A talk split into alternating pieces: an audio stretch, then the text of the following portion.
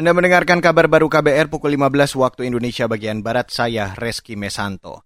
Saudara Bank Indonesia mencatat kinerja neraca pembayaran Indonesia pada triwulan keempat 2021 tetap baik.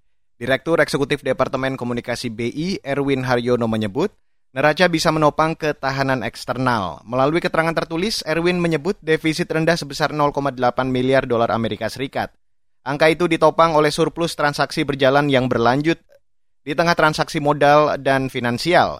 Dengan perkembangan tersebut, neraca pembayaran tahun 2021 mencatat surplus 13,5 miliar dolar. Posisi cadangan devisa pada akhir Desember 2021 juga meningkat menjadi sebesar lebih 144 miliar dolar atau setara dengan pembiayaan 7,8 bulan impor dan utang luar negeri pemerintah. BI menyebut optimisme investor terhadap prospek pemulihan ekonomi domestik mendorong aliran masuk sebesar 3,4 miliar dolar. Angka itu naik dibandingkan dengan capaian surplus 3,2 miliar dolar Amerika pada triwulan sebelumnya.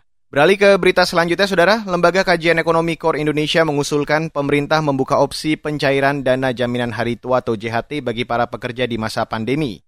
Direktur Eksekutif Core Indonesia Muhammad Faisal menyebut, dalam situasi pandemi saat ini banyak pekerja yang berharap dan membutuhkan uang tunai. Dia meminta pemerintah dan BP Jam Sostek menunda batasan usia 56 tahun pencairan dana JHT misalkan bisa jadi diberikan sekian persen ketika dia di PHK misalnya, kemudian sekian persen ketika berapa tahun kemudian, dan terakhir di usia 56 tahun. Kalau saya sih e, mengusulkan jalan keluarnya, keluarnya seperti itu untuk merespon daripada eh, mengakomodasi daripada kebutuhan masyarakat ya, terutama pekerja yang memang kalau dalam kondisi seperti sekarang mereka butuhnya kan dana cepat ya.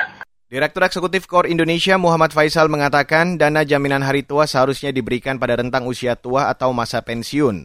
Namun dengan catatan aturan itu berlaku pada saat situasi normal atau ketika persoalan pandemi sudah tuntas.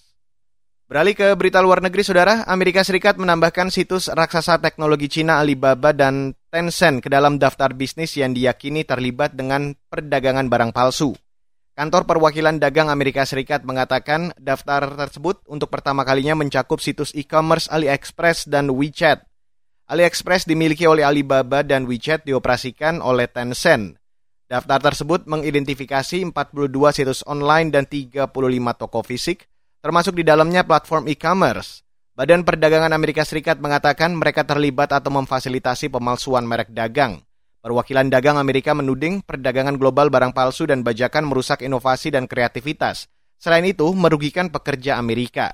Sebelumnya, Amerika dan Cina berada dalam perselisihan jangka panjang mengenai perdagangan dan teknologi.